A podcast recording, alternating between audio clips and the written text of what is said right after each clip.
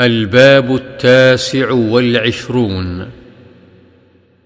باب قضاء حوائج المسلمين.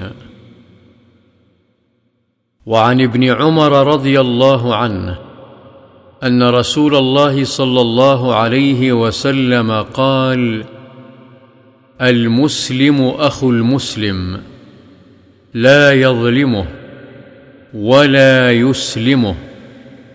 ومن كان في حاجة أخيه كان الله في حاجته ومن فرج عن مسلم كربة فرج الله عنه بها كربة من كرب يوم القيامة ومن ستر مسلما ستره الله يوم القيامة.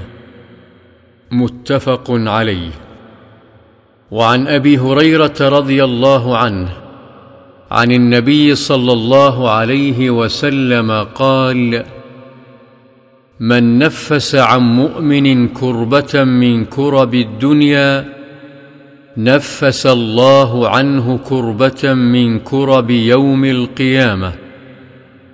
ومن يسر على معسر يسر الله عليه في الدنيا والآخرة. ومن ستر مسلما ستره الله في الدنيا والآخرة. والله في عون العبد ما كان العبد في عون أخيه.